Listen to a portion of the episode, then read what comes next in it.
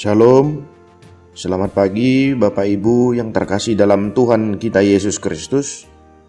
Firman Tuhan bagi kita di penghujung minggu ini tertulis di dalam surat Kolose pasal yang ketiga ayat yang pertama.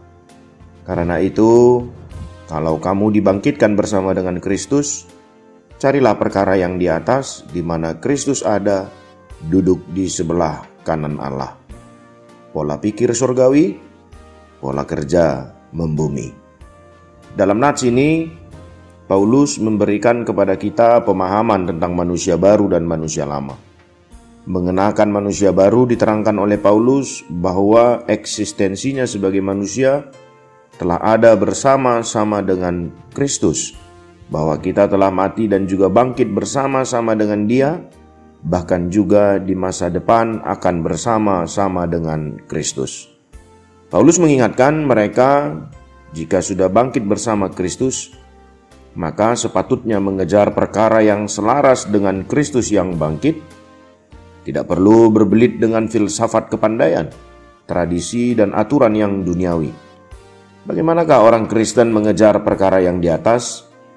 Apa yang sedang seseorang kejar tercermin dari apa yang terus-menerus ia renungkan atau pikirkan.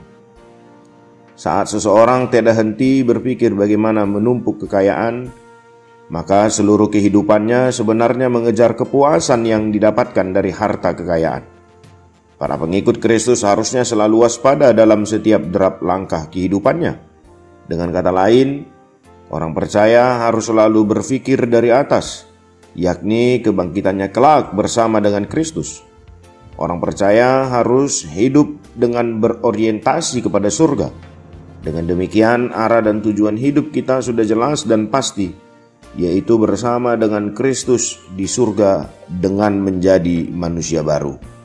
Mengenakan manusia baru bukanlah sebatas status atau seperti seseorang yang mengenakan pakaian baru. Namun, orang yang memakainya masih terlihat kotor, maka sia-sia pakaian baru jika dalamnya masih kotor. Manusia baru yang telah menerima Kristus juga harus mematikan sesuatu yang duniawi dan membuang sikap dan sifat marah, geram, kejahatan, fitnah, dan kata-kata kotor.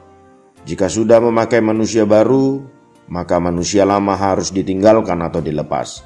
Jangan kita memakai pakaian double yang lama dan yang baru. Semua yang benar, semua yang mulia, semua yang adil, semua yang suci, semua yang manis, semua yang sedap didengar, semua yang disebut kebajikan dan patut dipuji, pikirkanlah semuanya itu. Filipi 4 ayat yang ke-8. Bahwa orang Kristen, walaupun masih hidup dalam dunia, tetapi berperilaku dan bertindak sebagai warga kerajaan Allah. Kembalilah kepada firman Allah, Tuhan memberkati.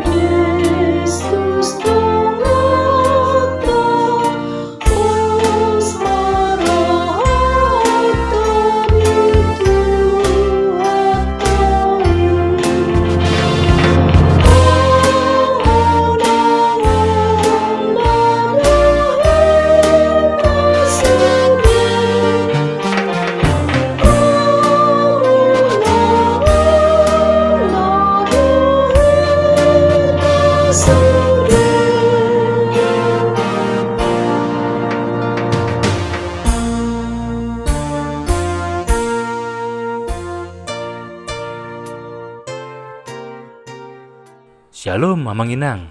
Terima kasih sudah mengawali hari dengan mendengarkan renungan hari ini. Yuk bagikan renungan harian ini kepada keluarga kita sehingga firman Tuhan itu tidak kembali sia-sia, namun berbuah dan terpelihara. Tuhan Yesus memberkati.